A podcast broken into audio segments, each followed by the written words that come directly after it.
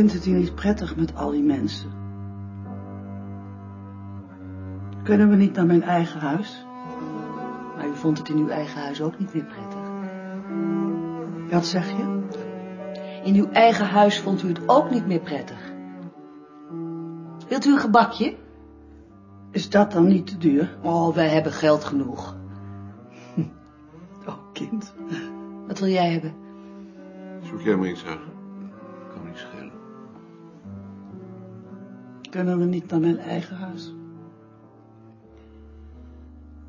Ehm, vandaag niet. Volgende keer. Zo. Voor u heb ik een lekkere moorkop meegebracht. Ziet u wel? Kunnen we niet naar mijn eigen huis? Vindt u het hier dan niet gezellig? Het is hier toch ook gezellig? Wat is het hier stil? Ik denk dat moeders oren weer moeten worden uitgespoten. Ze hoort bijna niets meer. Ze ziet ook weer minder. U krijgt een advocaatje. Is dat niet lekker? Ik wil toch liever naar mijn eigen... Ga naar de markt. Koop een koe.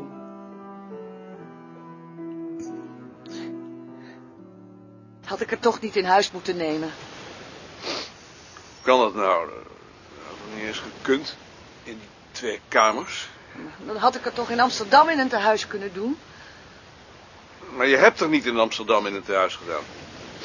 Dus je vindt ook dat ik haar in Amsterdam in een tehuis had moeten doen.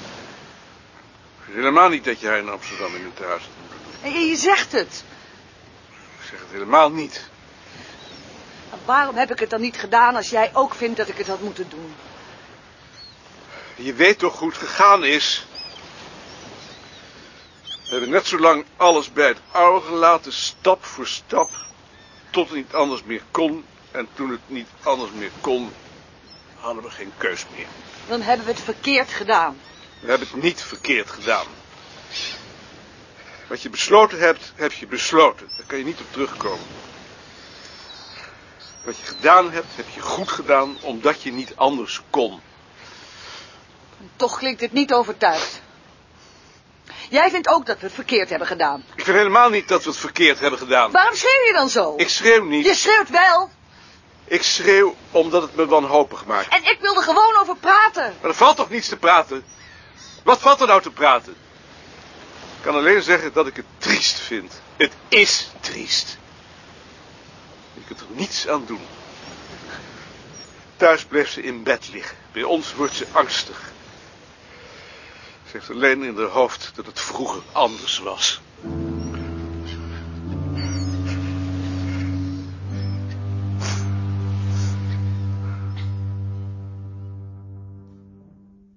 Punt 5. De reiskostenregeling. Een voorstel van de afdeling Volkscultuur. Wil jij dat toelichten? Licht jij het toe, Rick? Doe jij dat maar. Goed. Vorig jaar hebben we de post reis- en verblijfkosten met ruim 2500 gulden overschreden. Het ziet eruit dat het dit jaar nog veel meer wordt. En zolang we op de nullijn zitten, zal dat elk jaar het geval zijn. Dat betekent dat we op andere posten moeten bezuinigen, tenzij we de declaraties drukken. Op onze afdeling doen we dat door consequent tweede klas te reizen en voor wat betreft de verblijfkosten alleen de werkelijke kosten te declareren. We zouden dat voor het hele bureau kunnen afspreken. Duidelijk. Wie? Laat ze ons liever van de nullijn afhalen. Daar hoeven wij toch niet de slachtoffer van te worden. Van de po- po- po- politiek van het departement. Ik zie ook niet in waarom we die post niet zouden kunnen verhogen, als we daarop een structureel tekort blijken te hebben. Omdat dat ten koste gaat van andere posten. Daar hoeven wij het departement toch niet mee te helpen. Laat ze maar zien dat het weinig is. We hebben de plaats van Meijering ook al moeten inleveren. Ik, ik, ik voel er niet voor om op eigen houtje te gaan bezuinigen... alleen om het departement een plezier te doen. De rode. Wij hebben dit voorstel op de afdeling besproken, maar daar is mij van verschillende kanten verzekerd dat de toegestane bedragen nauwelijks toereikend zijn. En dat is ook mijn ervaring. Dat is 40 of 50 gulden per dag. Ja, maar daar zit dan ook de lunch en het diner in. Ja, eet zeker je brood uit een papiertje. Doe je op het bureau toch ook? Ja, Je hebt trouwens ook van die trommeltjes die je in kunt klappen. Ter zake. Mevrouw Laurier. Als die bedragen wettelijk zijn toegestaan, dan hoeven wij daar toch geen verandering in te brengen. Dan benadelen we toch de andere werknemers. Dat ben ik met Elke eens. Die bedragen zijn het resultaat van onderhandelingen. Het gaat niet aan dat wij daar doorheen fietsen. Het gaat erom dat wij het geld op onze begroting zo efficiënt mogelijk besteden. De rode. We hebben ook nog gesproken over het reizen in de tweede klasse. Als bezwaar werd aangevoerd dat de tweede klasse vaak zo vol is. Vooral in de ochtendspits. Als ik naar Groningen ga, dan reis ik altijd eerste klas. Dan kan ik tenminste rustig werken. Dat is in het belang van het In bureau. de tweede klas kun je ook werken. Ja, jij misschien. Dat bezwaar werd bij ons ook naar voren gebracht, dat je in de tweede klasse niet rustig kunt werken. Ik ben het daar wel mee eens. Het lijkt me bovendien van belang dat je goed uitgerust op een vergadering komt. In de tweede klas is daar geen sprake van. Nog andere argumenten? Dan breng ik het voorstel in stemming. Wie is er voor het voorstel? Koning, de Nooier, Elshout, Elshout Van Idegem, Wapelaar. Wie is er tegen? Kloosterman, Rentjes, Kroos, Laurier, Lagerwij en de Rode. Dan is het voorstel verworpen. Maar iedereen kan er toch naar streven om tweede klas te reizen? Ja, natuurlijk. Wat moet ik dan precies opschrijven? Schrijf maar op. Men dient te streven naar het reizen per tweede klasse, maar Tweede het is ter klasse. beoordeling van de reiziger of het reizen per eerste klasse noodzakelijk is voor zijn geestelijk en lichamelijk welbevinden. Heb je dat? Welbevinden. Ik heb het. Dan nu de rondvraag. Meneer Koning. Dank je. Mevrouw de Nooier. Ja, eh, onze afdeling zou willen overgaan tot het gebruik van ideële koffie in plaats van de koffie die nu wordt geschonken als steun aan de derde wereld. En eh, we stellen daarom voor om daarmee een proef te nemen. En hoe stelt u zich die proef dan voor? Dat we een maand of twee ideële koffie schenken en daarna beslissen. Heeft iemand daar bezwaar tegen? Zal ik daar iets op zeggen? Niemand? Ja, ik heb daar toch wel bezwaar tegen. Ik vind dat het instituut niet de plaats is om politiek te bedrijven. Dat ben ik met Jeroen eens. Als je niets doet, bedrijf je toch ook politiek? De Rode? Het overvalt me eigenlijk enigszins. Ik zou daar eerst mijn achterban over willen raadplegen. Dat wou ik ook zeggen. Zoiets moet eerst op de agenda staan, anders kunnen we er niet over praten. Voor een proef is dat niet nodig. Regel het maar met Wigbold en plaats het voor een volgende keer op de agenda. Dan kunnen we erover praten als iedereen in de gelegenheid is geweest er kennis mee te maken. We moeten er toch wel voor oppassen dat we de andere afdelingen niet tegen ons krijgen. Nee. Morgen. Dag Joop. Dag Sien. Dag Maarten. Dag Maarten. Dag Bart. Dag Maarten. Dag Bart. Dag Alt. Hoe was die directeurvergadering nou? Een wilde beestenspul. Dieren in een kooi die grommend naar de dompteur zaten te kijken. Papendal. Nee, meter. Papendal zei niks. Als je het mij vraagt, is die opzij geschoven. Meter. Die man praat met korte, afgebeten zinnen. Een soort superbalk. Maar vergeleken bij hem heeft Balk iets uitgesproken menselijks. Een bioloog. Ben je weer terug? Hoe was het? Onheilspellend. Mag ik er ook bij zijn? Ga zitten. We hebben op de personele begroting voor het volgend jaar een structureel tekort van 62.000 gulden. Dus er moet iemand ontslagen worden. Je kunt ook alle salarissen bevriezen. Kan dat dan? We vallen toch onder de ambtenarenwet? Je kunt de bevorderingen opschorten. Dan word ik dus niet bevorderd. Eh, Dat heb ik achteraf aan Papendal gevraagd. De bevordering van jou en Lien. Druk op de begroting van dit jaar. Die gaan, die gaan gewoon door. Yes. Dat is nog net op tijd geweest. Denk je dat je de andere afdelingen daarin meekrijgt? Die vinden natuurlijk dat Balk maar iemand van ons moet nemen, omdat wij de grootste afdeling zijn. Dat moet ik nog zien, dat Balk dat doet. En de andere instituten? Hadden die dan geen tekorten? Ja, maar op de materiële begrotingen, dat is veel verontrustender. Ik heb me dat nooit zo gerealiseerd, maar dat zijn bijna allemaal beta-instituten. Die hebben apparatuur nodig. Als ze die niet krijgen, raken ze achterop.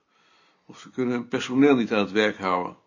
En één scanner bijvoorbeeld kost al meer dan een miljoen. Dat is de helft van onze begroting. Maar daar mogen ze ons toch niet aan opofferen? Standpunt van het hoofdbureau is dat het om die reden niet mogelijk is om de bezuinigingen over alle instituten te verdelen, omdat ze dan allemaal achterop raken en dat het daarom beter is om één instituut of één afdeling te sluiten. En dat zijn wij. Dus zie je, het gaat bij ons net zoals bij Henk. Henk heeft gisteren te horen gekregen dat zijn afdeling ook wordt opgeheven. Ja?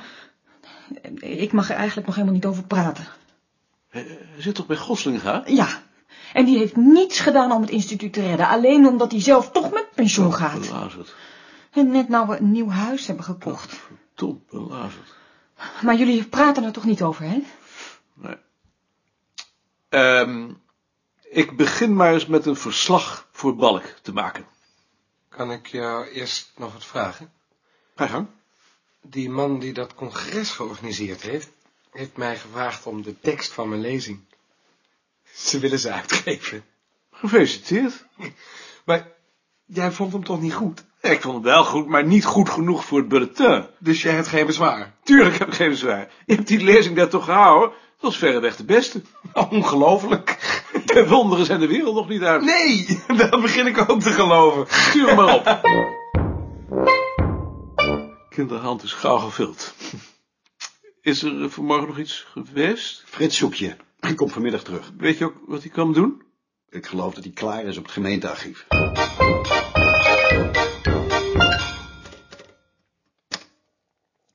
Jaap.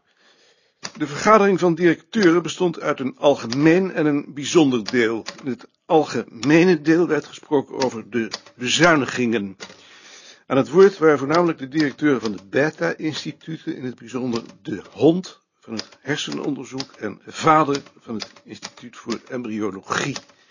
Hun klacht is dat ze als gevolg van de bezuinigingen niet meer in staat zijn de nodige nieuwe apparatuur aan te schaffen, waardoor het onderzoek, het onderzoek achterop raakt bij dat in het buitenland en een steeds groter deel van hun personeel veroordeeld is tot werkeloosheid. Het hoofdbureau toonde daar bij monden van meter begrip voor en tendeert om die reden tot het standpunt dat het de voorkeur verdient een instituut of een afdeling te sluiten in plaats van de bezuinigingen uit te smeren over alle instituten. Dat lijkt me tamelijk verontrustend. In het bijzonder deel werden de begrotingen van de verschillende instituten voor het volgend jaar besproken, waaronder die van ons. Het blijkt dat wij op de personele begroting een structureel tekort hebben van 62.000 gulden. Meter vroeg hoe wij die denken weg te werken. Ik heb dat, zoals afgesproken, in beraad gehouden. Voor Hans zie ik drie mogelijkheden. Eén, we ontslaan iemand, lijkt me onbespreekbaar. Twee, we blokkeren de eerstkomende vacature. Drie, we blokkeren de jaarlijkse bevorderingen. Bezwaar tegen twee is dat ze te willekeurig is. Je moet maar afwachten of die plaats toevallig gemist kan worden. Ik heb dus een uitgesproken voorkeur voor drie. Maar ik neem aan dat jij je eigen prioriteiten hebt.